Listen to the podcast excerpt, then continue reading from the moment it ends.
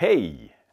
Och välkomna tillbaka! Nu ska vi fortsätta prata om romanen och idag så ska vi prata om gestaltning.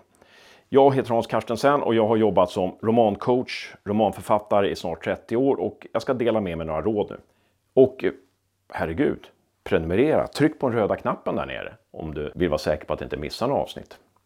Nu kör vi! Gestaltning är det som gäller.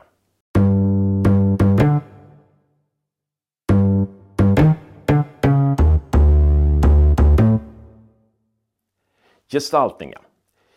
Du som har skickat in manus till förlag eller du som har gått en skrivarkurs. Du har hört gestalta mer. Det är bra med gestaltning.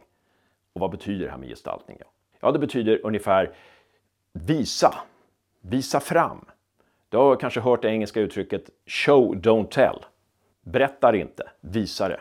Och man kan ju säga på svenska färdigförpackar inte, förklarar inte, utan visar det. För färdigförpackar och förklarar så kommer inte läsaren få använda sin fantasi i så stor utsträckning.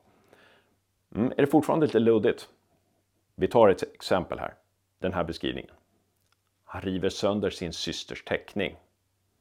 Jämför den med Han är avundsjuk. Det första, jag har gestaltat att han är avundsjuk i en handling. Och i det andra exemplet så förklarar jag det. Jag visar att det är det här det handlar om. Och då ser du att han river sönder sin systers teckning. Den skapar ju många fler bilder i huvudet. Helt plötsligt börjar jag fundera, var är vi någonstans? Är det barn? Kanske, vi kanske är på en, en förskola. Det kanske är flera syskon och så vidare. Så jag får massor med bilder i huvudet. Men alltså, han är avundsjuk. Den ger ju oss inte så många bilder. Vi vet inte vem det är som är avundsjuk. Vi vet inte om det är vuxen eller om det är ett barn. Eller vi vet inte var man befinner sig. Det är det som det handlar om, gestaltning. Läsaren vill använda sin fantasi. Är det fortfarande lite oklart? Mm. Vi fortsätter ändå. För nu ska du få göra en övning och då kanske det blir lite mer klarare när du får göra någonting handgripligen. Här är jag färdigförpackat en sak. Hon är gåtfull. Jag har förklarat vad det handlar om. Din uppgift det blir att försöka gestalta det här i handling. Låtsas som att du ser på henne genom ett nyckelhår. Du hör ingenting, du bara ser henne. Och genom de saker hon gör så ska vi läsare lista ut att hon är gåtfull. Okej, okay, kör!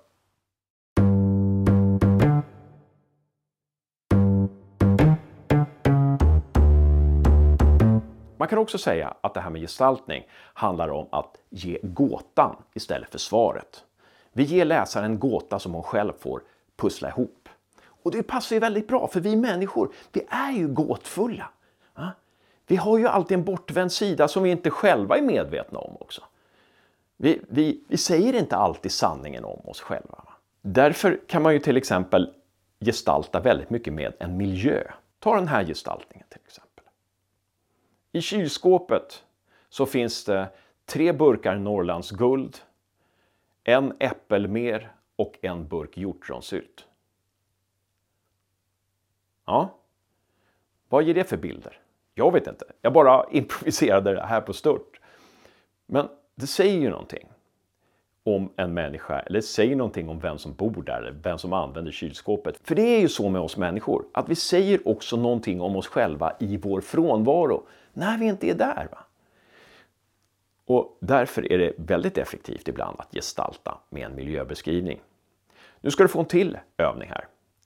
Den här gången ska du gestalta ett rum och du ska beskriva det så att vi förstår vem det är som bor här. Övningen går ut på att beskriva ett vardagsrum hos någon med kontrollbehov.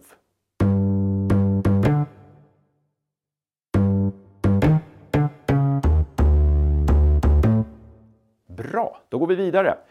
Kan man gestalta på andra sätt? Då? Ja, man kan faktiskt gestalta på många andra olika sätt. Man kan gestalta genom dialog till exempel. Dialog är intressant också för att vi människor säger så mycket vi inte menar eller menar fast vi inte har kontroll på det och så vidare och så vidare.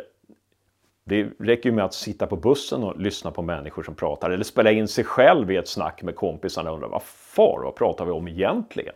Så att man kan ju till exempel i en dialog gestalta den här personen som har kontrollbehov som bor i det här vardagsrummet. Tänk dig att du gestaltar honom när han pratar i telefon med en kompis eller hon pratar i telefon med en kompis. Och försök gestalta kontrollbehovet. Men bara i dialogen. Förklara inte, utan gestalta det. Sätt det i spel och låt läsaren gå på upptäcktsfärd. Man kan också gestalta i tankar. Och då kanske många säger, men tankar, det är väl tvärt emot gestaltning. Det är ju inte någon handling alls. Nej, men man kan gestalta i tankar faktiskt, i inre monolog och så vidare. Det går hur bra som helst. Vi människor är ju så här att vi, vi kan påstå en sak om oss själva som kanske inte alls är sann, som vi bara önskar är sann. Det är väl väldigt intressant att gestalta en som har dåligt självförtroende, men som tänker att den har väldigt bra självförtroende. Några brasklappar innan vi skiljs åt. Först, att gestalta är inte detsamma som att översätta. Det måste man komma ihåg. Det är inte matematik det här, det är konstnärlig verksamhet. Det är jätteviktigt att komma ihåg. Så till exempel, han river sönder sin systers teckning.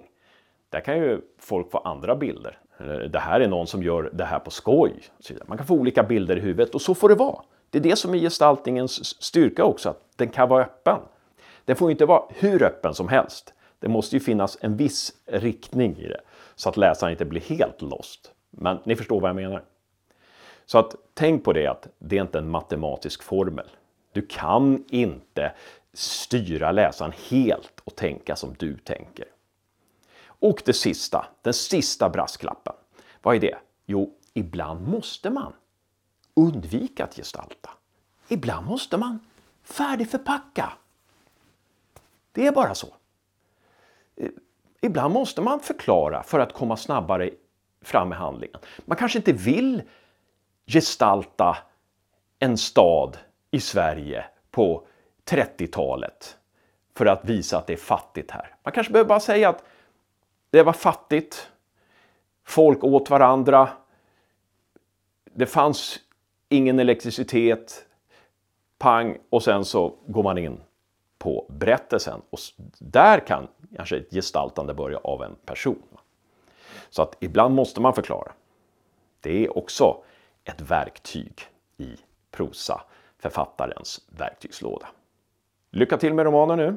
Kom ihåg att prenumerera, röda knappen där nere. Vi ses framöver!